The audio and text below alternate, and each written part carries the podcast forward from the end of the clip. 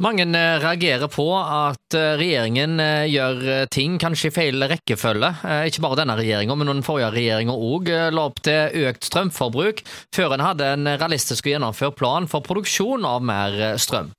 Når vi da kommer i den situasjonen vi er i nå, med uroligheter i Europa og lave vannmagasin, så får vi strømkrise. Og Da blir det viktig å legge forholdene til rette i framtida for å sikre at dette ikke skjer igjen, at vi øker da produksjonen. Men med havvind vil det ta vanvittig lang tid, kanskje så mye som ti år før vi får noe særlig effekt av dette. Med utenlandskablene og eksport av strøm, så blir det kanskje aldri noe ordning på dette, med mindre enn da reforhandle avtaler, som vi har snakket om eh, tidligere. Ja, Terje Halleland i eh, Frp. Eh, du sitter i eh, miljø- og energikomiteen på Stortinget. Hva gjør dere, og hvordan ser dere på denne problemstillingen?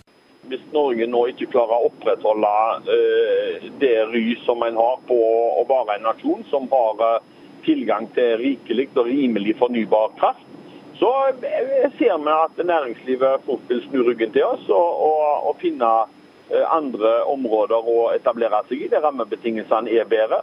Vi vet at eh, Norge er et høykostland. Eh, det er mange negative sider med å etablere seg i Norge. Men en av de store oppsidene har jo vært at vi har hatt tilgang til fornybar, billig kraft. Og noe som har gjort at, at vi, kan, vi, kan, tilby gode rammebetingelser. Når det da blir sådd tvil om, så er vi litt ute å kjøre. Og, og da er det jo det veldig eh, trist at vi ser eh, at vi har et politisk flertall i dag som ikke ønsker å se kritisk på hva vi bruker kraften til. Eh, og, og, og kommer da med forslag om å gjerne nå svi av både 10 og 15 TWh på å elektrifisere sokkelen.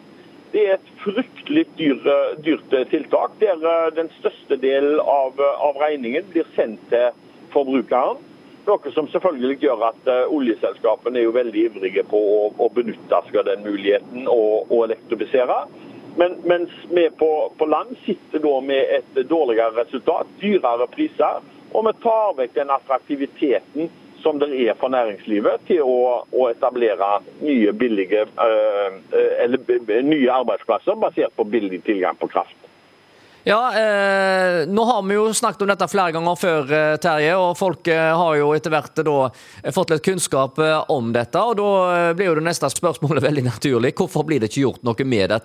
Ja, jeg syns det er veldig beklagelig at vi har en så tafatt regjering som vi har. For dette var problemstillinger som regjeringen tok opp og, og, og diskuterte. Eh, jeg tror eh, at eh, det, sterke presset Vi ser at det har snudd i opinionen. Folk er mer og mer skeptiske til det. Vi vet at regjeringen er skeptiske selv om de ikke vil si det. Og, og, og så er det et, en målsetning om å kutte klimagasser fra Nordsjøen. Noe som eh, vi kan opprettholde uten å gjøre de investeringene som det er snakk om her.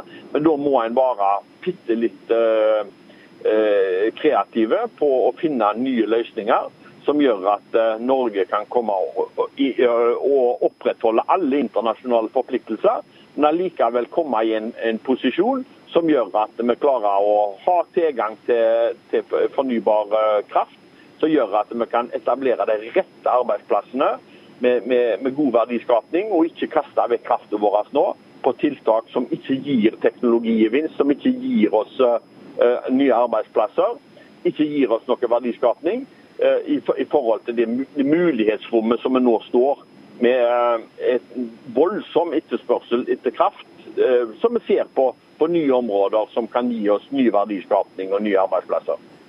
Og Det sier altså stortingsrepresentant eh, Terje Halland i Frp.